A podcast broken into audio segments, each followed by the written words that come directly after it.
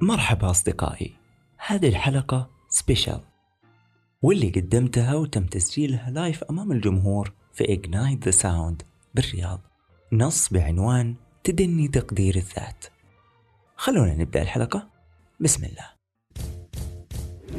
مين مطربك المفضل؟ أم كلثوم؟ وردة؟ طلال؟ محمد عبده طب شاعرك المفضل؟ نزار؟ شوقي؟ السياب؟ بدر بن عبد المحسن طب تتبنى فكر مين من الأدباء؟ القصيبي؟ الرافعي؟ طه حسين؟ الوردي؟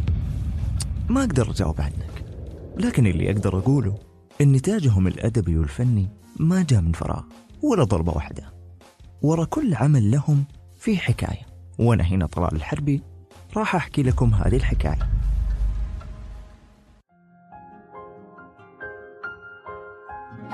الآن بمؤسس بودكاست هذه الحكاية. تفضل المسرح طلال الحلبي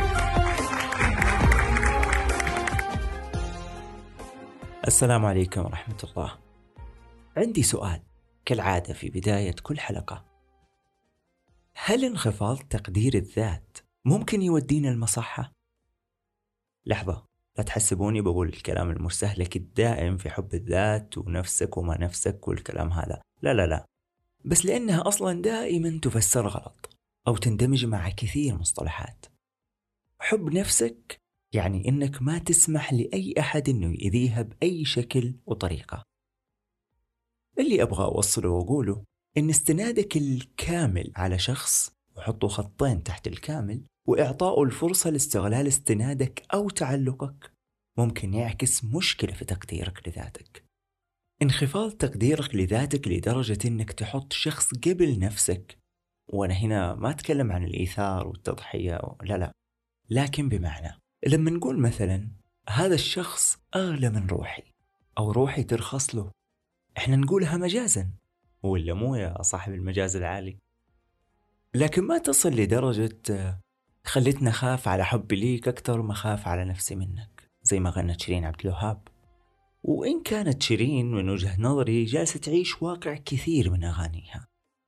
أنا ذكرت في الحلقة الماضية اختيار الألم. إن خلطك بين التعلق بشخص مؤذي لك بأي شكل من الأشكال وبين جودة العلاقة لك هو أكبر خطأ.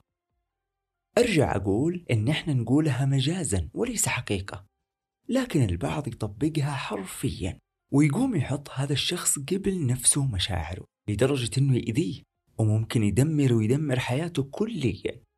ولو رجعنا للحقيقة كل الناس في حياتك هم إضافة. ممكن يقربوا حد الالتصاق وممكن يبعدوا لدرجة الاختفاء لكن ما في أحد ممكن يكون بدالك في هذه الحياة. على فكرة ترى مو شرط يكون هذا الشخص سيء عشان يلحقك منه أذى. ممكن يكون كويس لكن احتمال إنه يبعد عنك لأي سبب وارد. ممكن يمرض يموت اللي هو في وقتها حيكون هذا البعد مؤذي لك لأنك خليته المتحكم الأول في سعادتك وتعاستك. فما بالك لو كان هذا الشخص من الأساس سيء أو نرجسي. أكيد حيحصل تلاعب واستغلال و و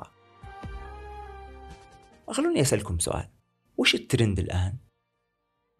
أنا متأكد إن أغلبكم جاء في عقله أو قال شيرين.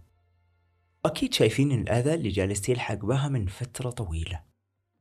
شيرين من الشخصيات الاندفاعية واللي تحب وتجعل الحب أولى أولوياتها بشكل واضح إما عن طريق تصريحاتها أو كلامها عنه وغيره طيب وش علاقة تدني تقدير الذات بهذا كله؟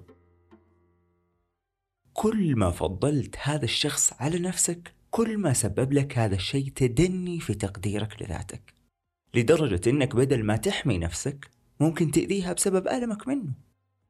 وبالمناسبة إذا النفس له أشكال مرة كثير يمكن أول ما يتبادر لذهنك لما تسمع إن أحد أذى نفسه هو إنه جرح نفسه أو بلع شريط أدوية كامل أو أضرب عن الأكل أو حاول ينتحر. لكن ما هو شرط يكون بهذه الصور. خلوني أعطيكم شكل ومثال حي أختم فيه. تتذكروا قبل فترة لما شيرين حلقت شعر راسها بالكامل؟ هذا في الطب النفسي اسمه سلوك مشوه للنفس. واستدل فيه الدكتور محمد طه في كتابه لا بطعم الفلامينكو.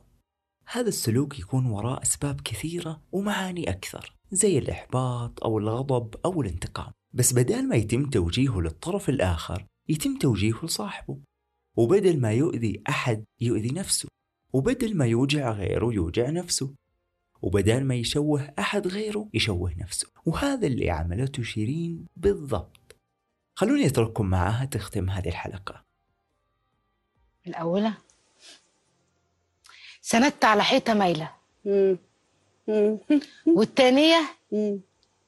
سكنت في عمارة قايلة. والتالتة. من كتر عمايله. والله ما أنا قايلة. خايفة على حسام. خايفة عليه من إيه؟ خايفة يبعد عني. يا حبيبتي. خايفة يبعد عني لأي سبب. مش مش مش هستحمل. ظلمت فيا ولسه عايشة الحب ليك. بصعب عليا ولسه مش بصعب عليك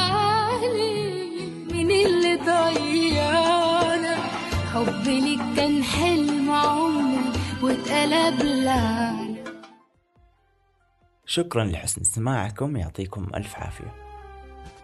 ألتقيكم في الحلقة الجاية وفي أمان الله.